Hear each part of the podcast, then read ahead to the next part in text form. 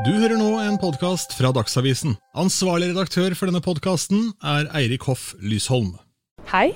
Da har jeg akkurat vært og truffet Maria Sæler. Så i dag så skal du få møte henne. Hun er politiker fra Frp. Og vi snakket om alt fra politikk til eh, personlige ting. Jeg møtte henne på eh, Ja, hvor møtte jeg henne egentlig? Jeg møtte henne på Wessels plass, jeg. så da ses vi der.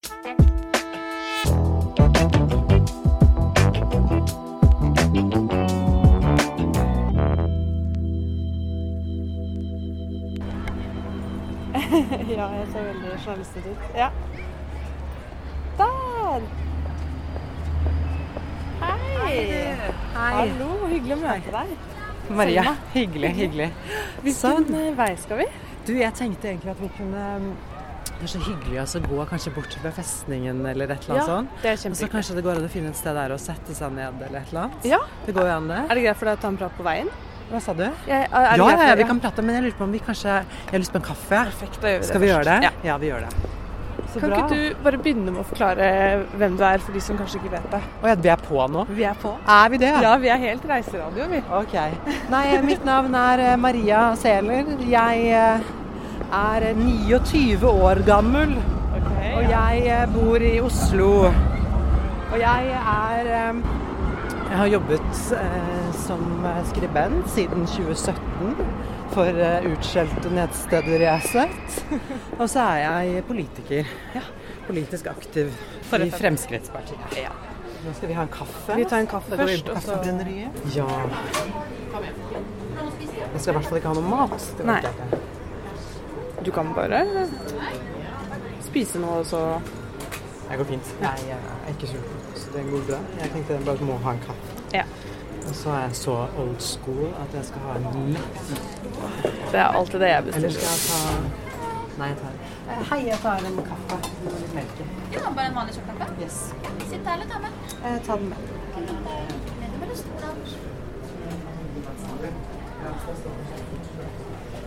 Nei, kanskje ikke. Jeg bare venter utafor, jeg.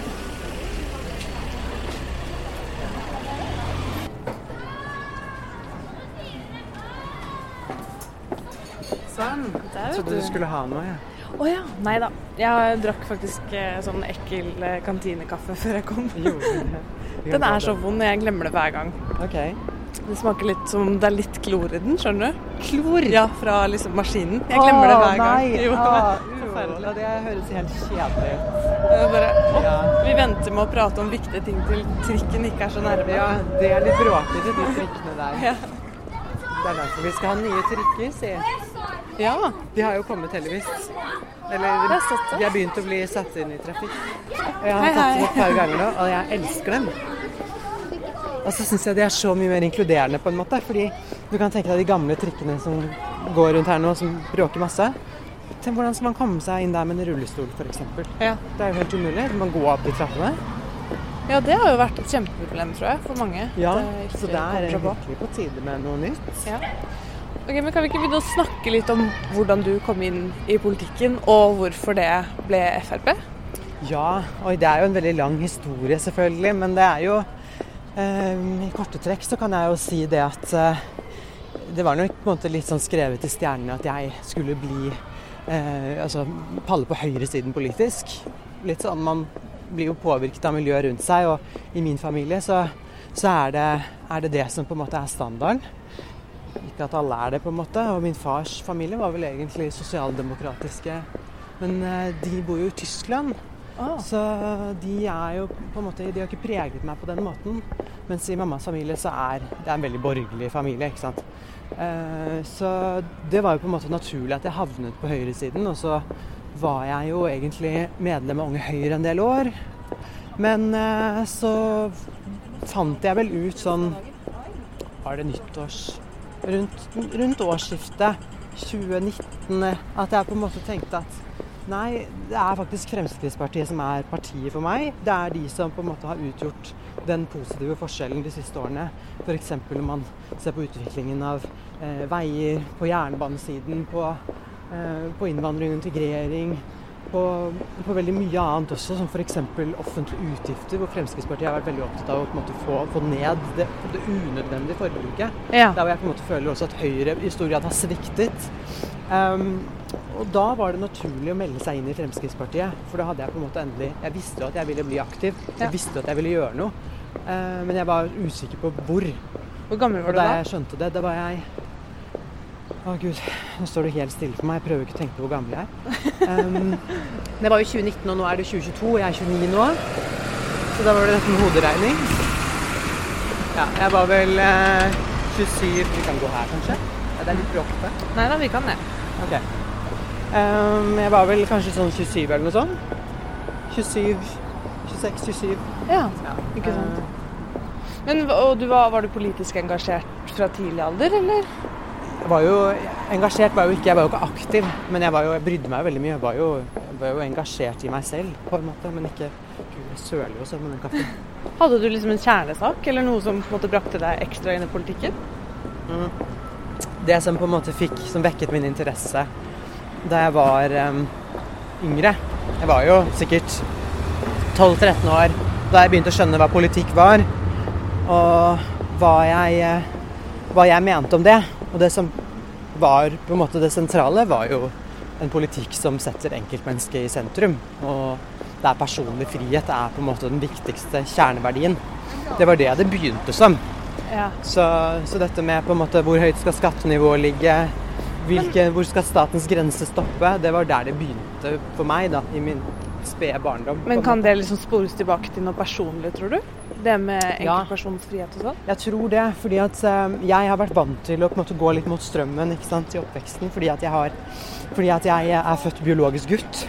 Eh, og det har vært veldig sånn, for meg veldig tøft å, på en måte stått Jeg har stått veldig mye alene i oppveksten pga. det. Og lært meg veldig å på en måte eh, lene meg veldig mye på meg selv. Jeg har ikke hatt så veldig mange andre folk, bortsett fra kanskje familien, Mm. og på en måte lene meg på f.eks. på skolen og, og sånn. Så jeg har blitt veldig bevisst på min egen individuelle styrke og mine egne individuelle på en måte, egenskaper. Og derfor så er jeg vel en individualist, tror jeg. Det har vel et opphav der. Hvordan var oppveksten og barndommen og sånn da? Var det utfordrende pga. det? Eh, ja, det var jo veldig utfordrende. Mine foreldre har jo sagt noe sånt til meg som at eh, de skjønte at det var et eller annet så fort jeg begynte å gå. Fordi eh, jeg var så veldig tydelig på hva jeg ville og hvem jeg ville være. Og eh, det var veldig tydelig for dem at jeg ikke var en normal liten gutt, ikke sant. Så um, det som var vanskeligst, var vel kanskje det at jeg følte at verden forsøkte å plassere meg inn i en bås som jeg ikke ville være i. Som ikke passet meg. Og, um, og selvfølgelig i særlig ungdomsårene, da, at jeg ikke hadde noen særlig venner. Ja. Det var tøft og vanskelig, selvfølgelig. ja, det høres jo veldig vanskelig ut. Ja, det var veldig tøft. Var det fordi de andre barna syntes du var annerledes, liksom? Tror du det er det, eller? Ja, altså Jeg hadde nok kanskje litt skyld i det selv òg, fordi jeg var jo ikke akkurat Altså, jeg responderte ofte på mobbing og erting med å være litt sånn arrogant og sånn tilbake. Så jeg var jo ikke Jeg gjorde det jo ikke noe bedre for meg selv. Men eh, Du sto vel opp for deg selv, da, kanskje? ja, jo, det gjorde jeg jo selvfølgelig. Jeg sto ganske mye opp for meg selv, og jeg var jo Jeg, jeg var jo ikke en sånn som bare tok imot. Nei. Det er Men, eh, vanskelig å respondere hyggelig på mobbing eller utestengelse. Det er veldig vanskelig. Men det som også er, er at eh, jeg tror barn, særlig kanskje gutter i en viss alder, responderer negativt på folk som er litt annerledes. Og det er særlig på type de som kanskje er homofile, de som er trans, altså de som på en måte kanskje bryter med det de forventer av, eh, av gutter, da, ikke Ja. sant? Og for meg så så var det vanskelig bare i seg selv, fordi jeg ville jo ikke bli sett på som en gutt. ikke sant? Så Når bestemte du deg for at eh, Eller når var du innså at du var jente, liksom? eh, Det må vel ha vært eh, om jeg var rundt 11, eller noe sånt. Det som var, var, i hvert fall var at eh, i sjette klasse en gang, så begynte jeg å Da gikk jeg til eh, Ester Espen Pirelli Benestad Ja. eh, noen ganger og fikk litt informasjon om dette med, dette med å være trans, da, eller transseksualisme. Eh, eller kjønnsinkongruens, da, som det heter nå. Og eh, det som også var i den prosessen, det var jo at jeg hadde jo på en måte da vært en sånn Ikke kasteball, men altså jeg hadde blitt sendt fra instans til instans for å få hjelp for å finne ut hva det var som på en måte eh, som, som utløste disse følelsene. Det som er, er at eh, Vi kan jo sette oss ned. Jeg kan jo egentlig ta en Det er faktisk så, så fortjener den den lille virakken der fortjener jo egentlig også en sånn bakgrunnshistorie som Ja. vi kan ta. Kan vi ikke sette oss ned et sted, så kan vi ta det der? Det blir litt enklere hvis vi Ja. sitter, tror jeg. Og så klikker hælene dine litt, så det er sikkert eh, lurt for lyden Ja, at vi, vi sitter. Jeg og helene mine, sånn er det. Der, for Nå får jeg nesten sånn sommerfølelse. Gleder er meg skikkelig. Her må vi ta bilde av deg etterpå, da. Se Ja, så det kan vi gjøre. Sånn, vet du. Nå har vi satt oss ned. Hvor var vi hen? Nei, du spurte om når jeg på en måte innså det med, det med den kjønnsinkongruensen. Og det eh, Jeg husker den episoden som utløste den jakten på å finne ut hva dette her egentlig var. Da gikk jeg vel på Jeg gikk vel fortsatt på barneskolen, men det var vel, jeg var vel i hvert fall ti, kanskje.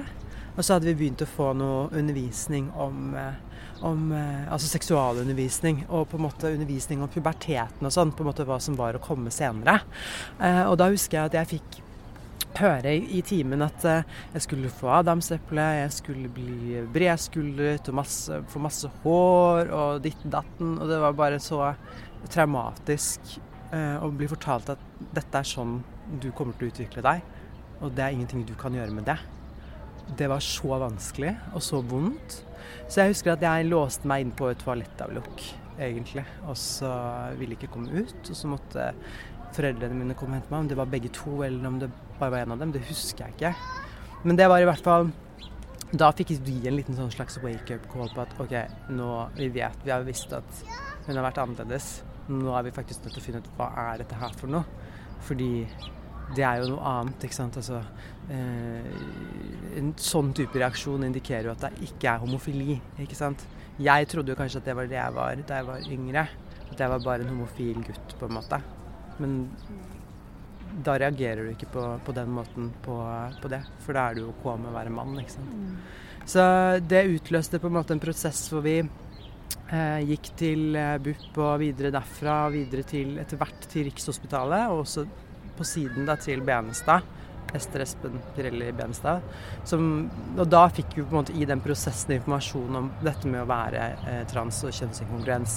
Eh, og da klikket det på en måte for meg. Jeg visste jo ikke om dette fra før, ikke sant? men jeg på en måte fikk forståelse for at det er faktisk mulig å bli født som en kvinne i en biologisk hannkjønnskropp, da.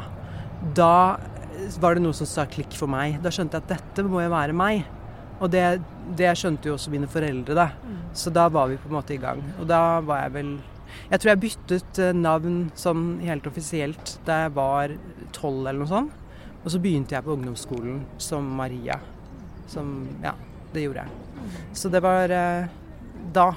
Da visste vi, på en måte. Ble du akseptert som Maria på ungdomsskolen?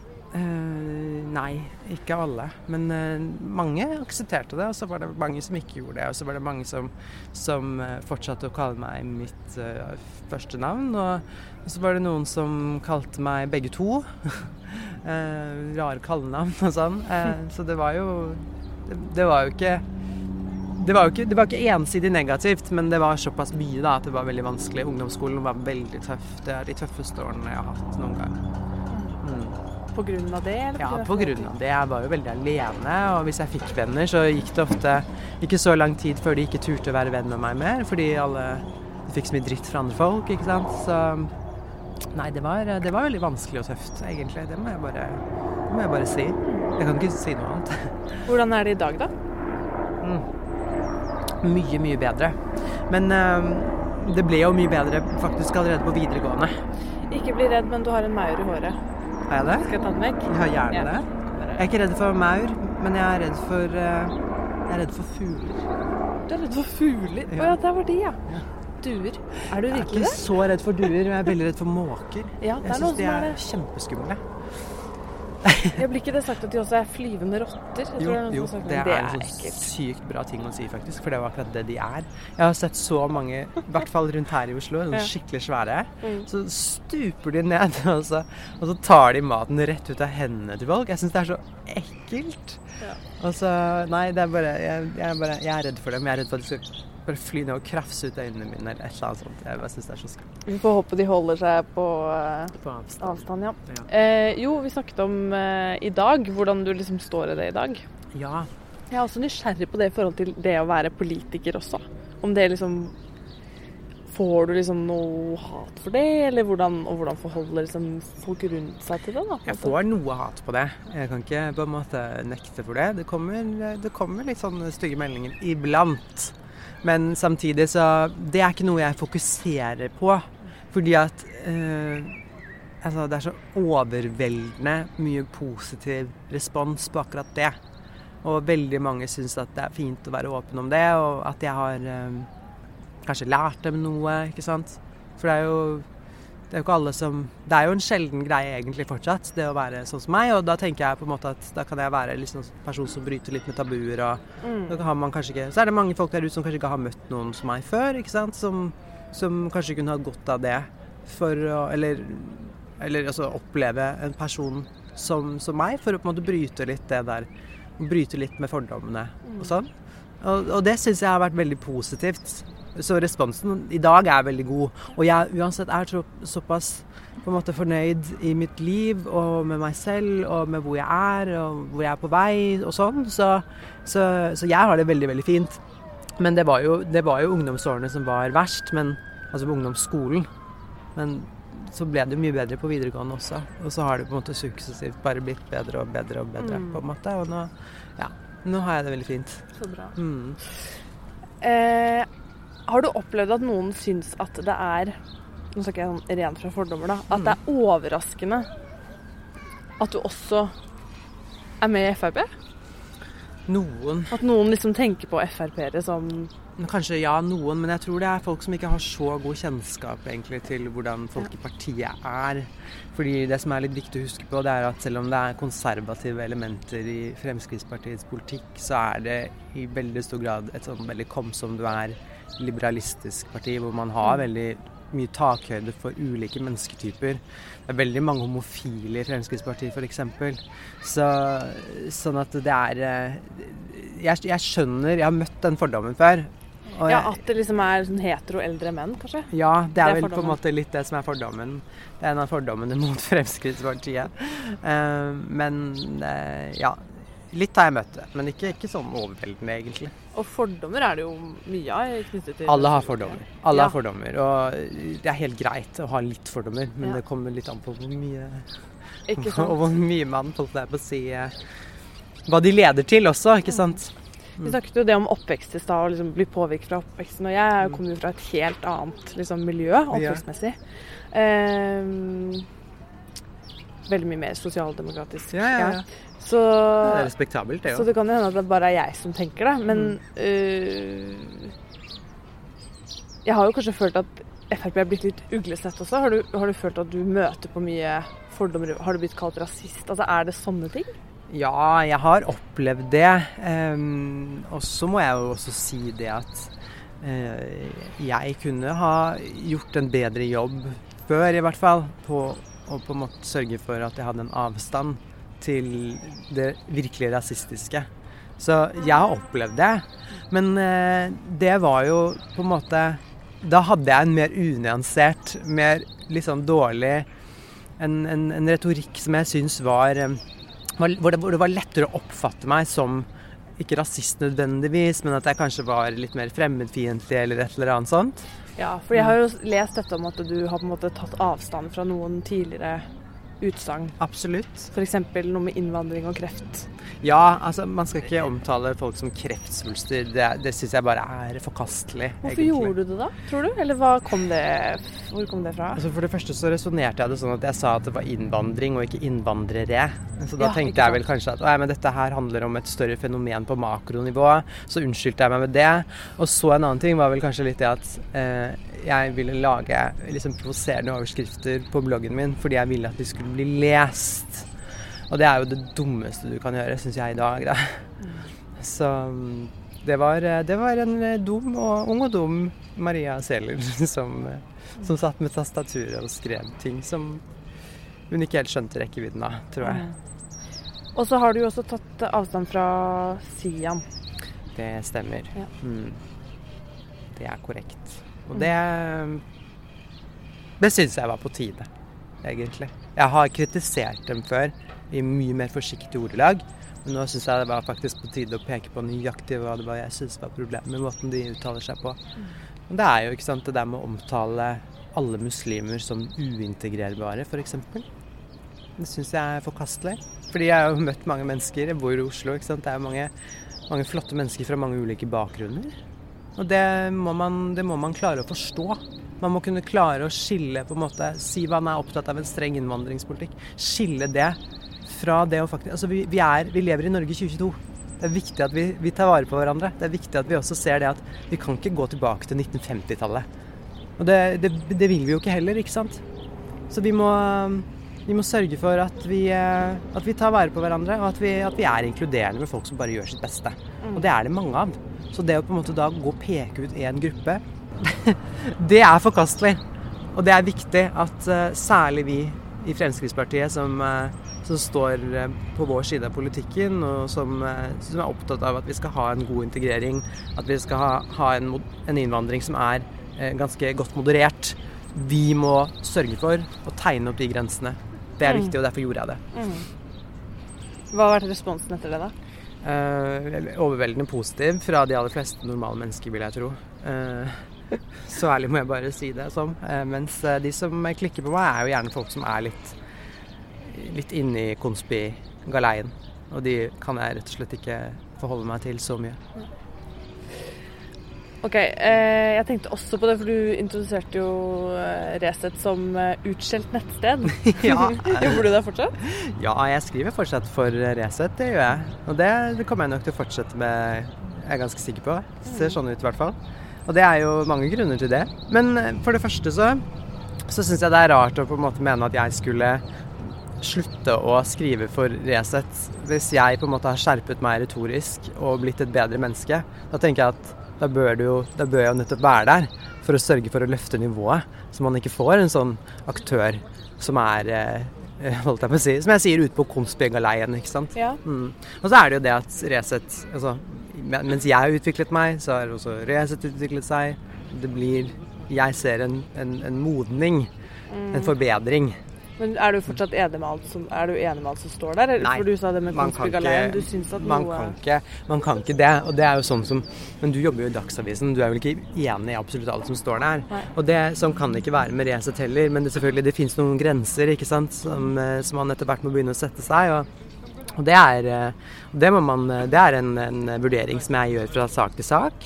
Eh, Det har vært, det har vært, eh, det har vært kamper. Det har det vært. Og det har ikke, jeg har vært misfornøyd med en del ting. Og så har det vært eh, ting jeg har vært eh, såpass fornøyd med at det har, det har på en måte holdt seg. Og noe av det som på en måte har vært, gjort at jeg har blitt mer eh, Hva skal jeg si? Altså, at jeg føler meg litt mer tilfreds, da. Det er jo at man har på en måte fått en litt mer avstand til disse ekstreme Trump-folkene, vaksinemotstandere, eh, disse russofile trollene som driver og henger rundt i kommentarfeltene. Eh, jeg syns det har vært viktig at vi har fått noen oppgjør i den retningen, og det har vi klart. Og det er, eh, det er noe jeg også har stått for. Eh, ja. Mm. Det har vært viktig, rett og slett. Hva er det du mener om innvandring, da? Og innvandringspolitikken i Norge? Eh, Norge er jo et land som er bygget opp på tillit. Og på et system, et velferdssystem, som du da som kanskje er sosialdemokrat Ja, det spiller jo ingen rolle. Men eh, jeg tror eh, det spiller jo egentlig ingen rolle om du er sosialdemokrat eller om du er Frp-er, fordi at de fleste av oss er tilhengere av det norske velferdssystemet. Um, og det norske velferdssystemet er helt avhengig av at vi Eller vi, vi, er rett og slett avhengig av hverandres arbeid. Vi er avhengig av at vi stoler på hverandre, at vi har et godt samhold. Um, og Derfor så er det viktig at uh, vi ikke får for mange inn på en gang som har for lave forutsetninger for å klare seg på arbeidsmarkedet. Sånn at vi får for mange på offentlige overføringer. Eh, og så er det også noe med det at som Jeg også er jo en litt konservativ sjel. Jeg er litt redd for at ting skal gå for fort frem.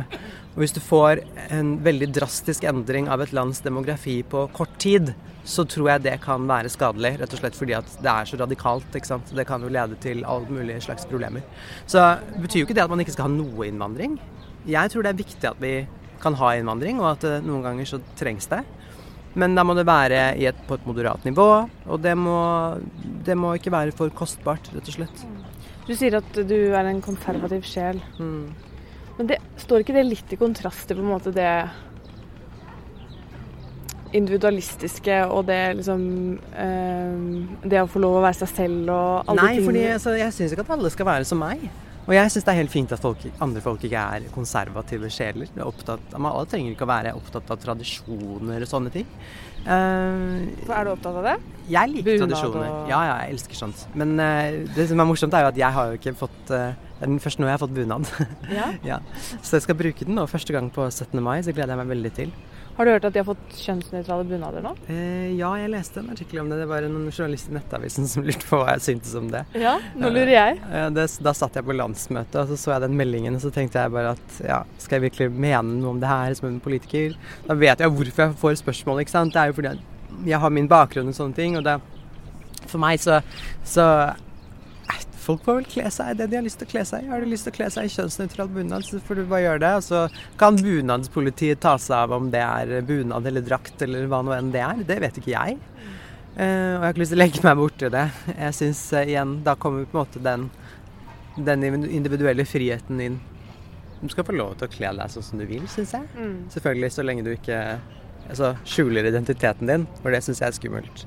Men folk må få lov til å hvis du har lyst til å ta på deg en, eh, en fedora og løpe rundt i jeg vet ikke, i lårkort og, og sånn nettingtrøye, så skal du få lov til det. Selv om jeg syns at det er fryktelig usofistikert.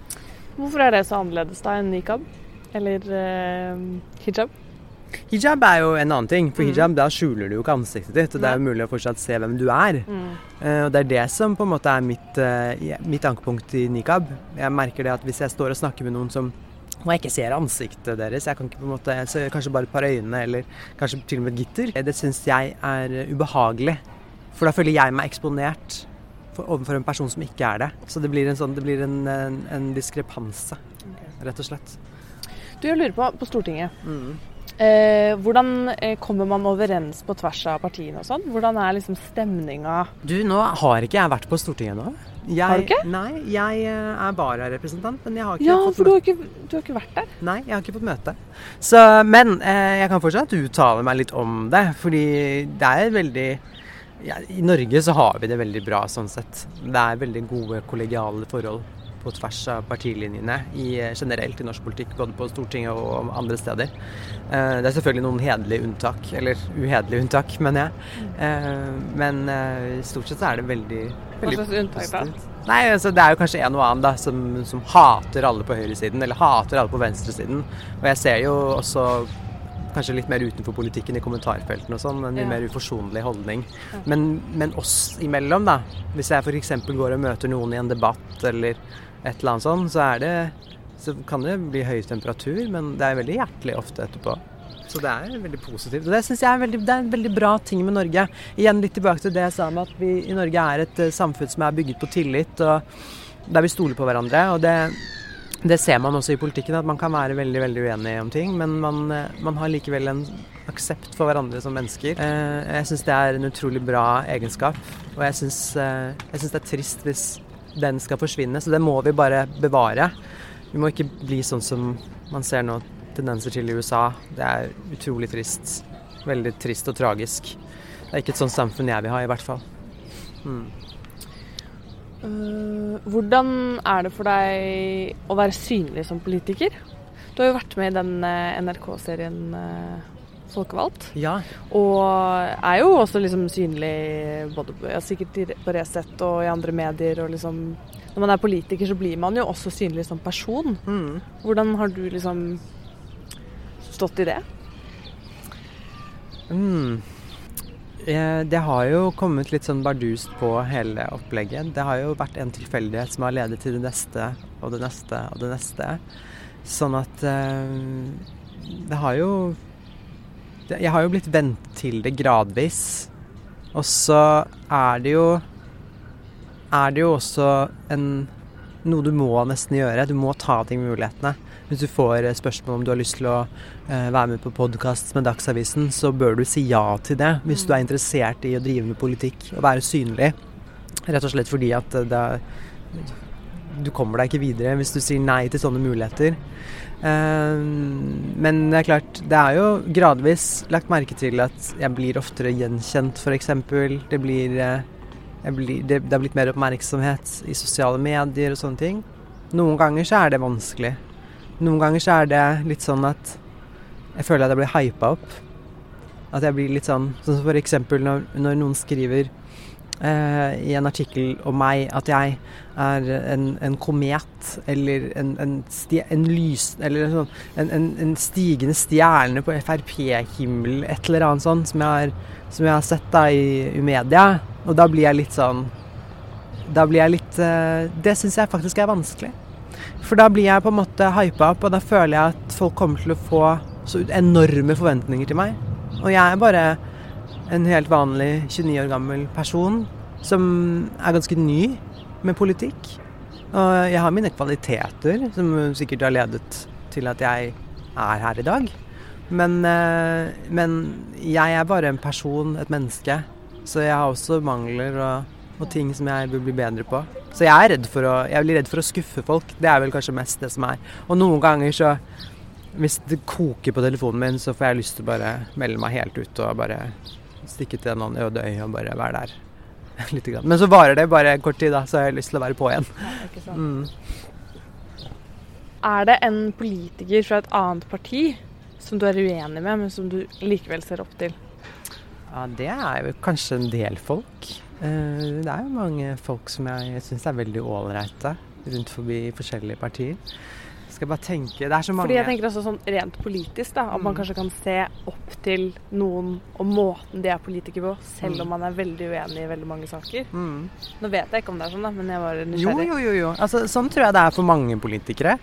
Uh, og jeg har også fått egentlig meldinger fra folk som er uenige med meg politisk, men som fortsatt syns at du er en flott person, og jeg syns du, du driver godt som politiker. Så, at, så det er på en måte også noe jeg har hørt selv. Og jeg tenker sånn også om en del andre folk. Eh, altså, det, det største navnet for meg, hun er jo ikke egentlig politiker lenger, men eh, det må jo være Kristin Halvorsen, egentlig. Jeg syns hun var så fantastisk. Veldig fantastisk vesen sånn sprudlende, kul dame. Hun savner jeg litt, må jeg si. Jeg skulle ønske hun fortsatt var, eh, var der oppe i SV og, og holdt på. Morsom dame.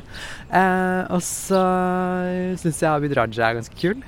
Han, han er artig, må jeg si. Eh, og veldig menneskelig.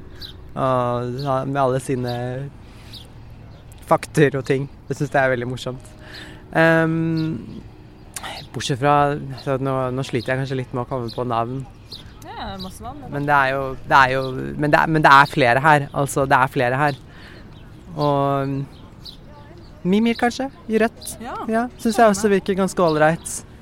Og har fokus på noen saker innimellom som jeg syns er veldig bra. Og, og der er det jo Det er jo enkeltsaker, må jeg si, hvor Rødt virkelig klinker til og har et fokus. Ikke nødvendigvis at, at all den praktiske politikken de står for på det området, er akkurat sånn som vi ville hatt det. Men det er fortsatt, de har fortsatt fokus på det. Har du noen eh, For du sa at du kom fra, eller du vokste opp i en krets eh, som var ganske borgerlig.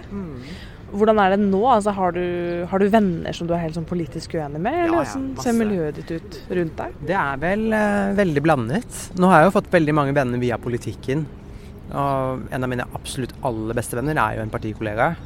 Så, men bortsett fra det, så er vel de fleste av vennene mine enten Så jeg har vel et, noen som er på høyresiden.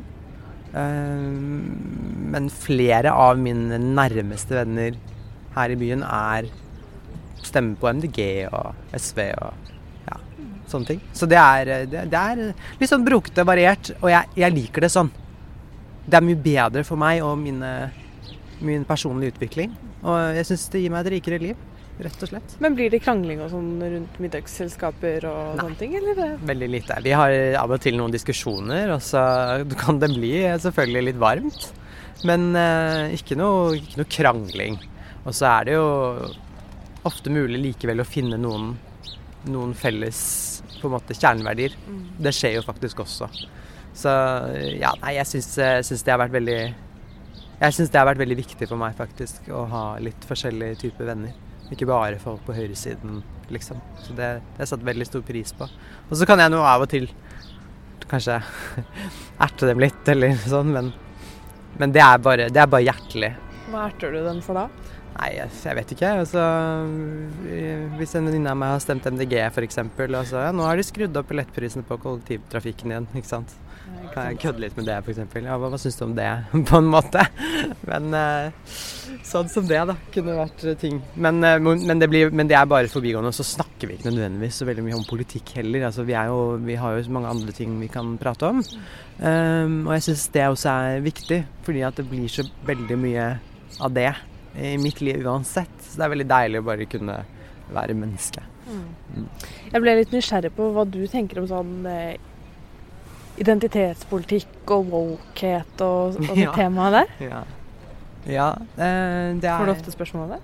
Nei, ikke så veldig faktisk. Jeg tror vel egentlig bare folk går ut ifra at det er noe jeg på en måte ikke liker noe særlig, eller sånn. Men altså det- kommer jo kanskje litt an på hva man legger i det. Jeg tror at folk har veldig forskjellig, forskjellig eh, definisjon på alle disse tingene. Og det er jo også noe grunnen, tror jeg, til at man kan oppfattes ofte mer som mer uenig med ting enn det man er. Fordi man ofte har litt sånn ulik begrepsforståelse. Eh, Jeg er jo veldig tilhenger av at man skal stå opp for eh, rettighetene sine, og at alle mennesker er like mye verdt. Og, og, at, eh, og at jeg som, som person eh, er like mye verdt som deg, og at vi, har, vi, har, vi, vi skal ha Vi skal ha det samme menneskeverdet og de samme, de samme privilegiene. Det syns jeg er viktig. Likhet for loven. Men det er da jeg blir litt sånn For jeg ser jo tendenser til at man går videre fra akkurat det standpunktet til å mene at nei, man skal gi noen grupper særrettigheter. Man skal sette folk på en pyramide og si at disse er de minst, minst privilegerte, og de skal få mest hjelp. Og disse er de mest privilegerte, og det er selvfølgelig de utskjelte, hvite, heteroseksuelle mennene som bare er uh, i veien.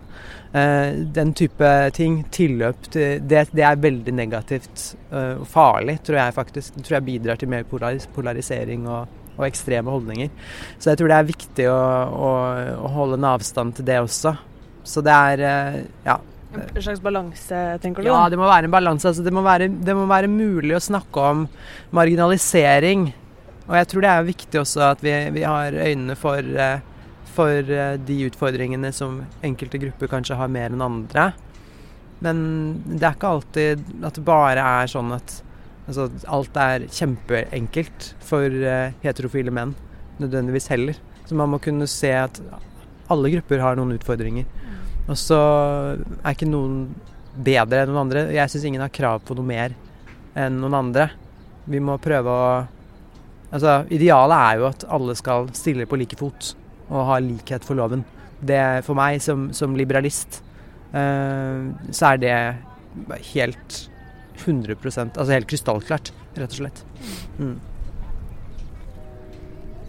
Nå som du blir kalt en eh, komet på. Frp-himmelen, eller hva det var for Ja, noe. nei. Det er Eh, Spør Aftenposten. ja, jeg skjønner at du syns det er litt uh, stort å bli kalt det. Men har du noen Vanskelig, faktisk. jeg, men jeg lurer på om hva som er dine mål framover. Hva Oi. drømmer du om? Hva er det du skal videre? Hva er det du liksom har lyst til å få til? Ja, det er jo også det som eh, jeg sliter med å svare litt på, da. Jeg eh, Jeg vet at jeg har lyst til å utgjøre en forskjell. Og i hvilken kapasitet det blir, det vet jeg ikke ennå. Men jeg ser jo kanskje for meg en stortingsplass. Ja. Om det blir i 25, eller om det blir senere, det får vi se. Jeg er tålmodig. Du er tålmodig, ja. Mm. Nå er jeg politisk nestleder i Oslo Frp. Eh, og så ble jeg akkurat valgt inn som vara i sentralstyret i, eh, på landsmøtet. Og eh, tenker at det er eh, der jeg skal være nå i årene fremover. Bruke den tiden på å bli enda mer kunnskapsrik om politikk. Få flere erfaringer, gå i flere debatter og bare rett og slett opparbeide meg mer politisk kapital, da, som man kanskje kan kalle det. Kan, jeg, kan vi avslutte med en morsom historie fra landsmøtet? Eh, Slash sladder, eller Skal vi se en morsom historie fra landsmøtet. Hva skjedde i kulissene? Hva skjedde i kulissene? Nei, eh, det skjedde vel egentlig bare ting som er typisk for Frp-landsmøter. Det ble jo eh, masse politiske debatter, og så etterfulgt av litt fest moro. Typisk Frp. Eh, jeg eh, løp rundt og drakk bobler og ja, drinker og sånne ting. Og det er så deilig. Men så blir det sånn at da skal du ha en hel dag med møter og eh, debatter, og du skal kanskje tale. Jeg var på talerstolen to ganger første dagen. Og så skal du da ha en landsmøtemiddag, og det er vin, og det er eh, show, og det blir plutselig dansing. Plutselig er Siv Jensen på plass og går i eh, Går på dansegulvet, ikke sant. Altså det blir, det blir så mye. Og så skal du opp tidlig dagen etter, fikse deg. Finne presentable klær å ta på deg. Eh, gå ned i frokost, og så rett på møter, møter, møter. møter. Og så er det nok en ny kveld med litt eh, moro. Og så er det tidlig på i morgen, og så er det møter. Og så, er det, altså det blir, og så har du i tillegg da en normal arbeidsuke, ikke sant. Så det blir jo slitsomt med disse landsmøtene, men det er så gøy. Så du kan jo ikke la være, ikke sant. Men om det er noen morsomme historier Altså, jeg blir jo helt sånn Hvis det var en skikkelig intern skandale, så får kanskje ikke jeg vite det heller. Nei, eh, det, det, det holder vi tett om. Så dum er jeg ikke at jeg forteller det til deg. Um, nei, jeg vet ikke. Skal vi se. Det som uh, irriterte meg litt, var at jeg klarte, å, nest, jeg klarte å dette gjennom gulvet på podiet på landsmøtet. ok, det må du fortelle om. Nei, altså Uh, Nå overdramatiserte jeg litt, da.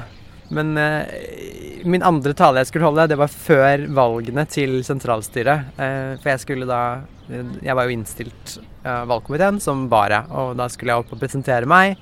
Uh, og så hadde jeg jo selvfølgelig på meg høye hæler, og de hælene var tynne. Uh, veldig tynne. Og så var det da et podie som på en måte var satt opp hvor det var en sånn Altså det var to deler, da.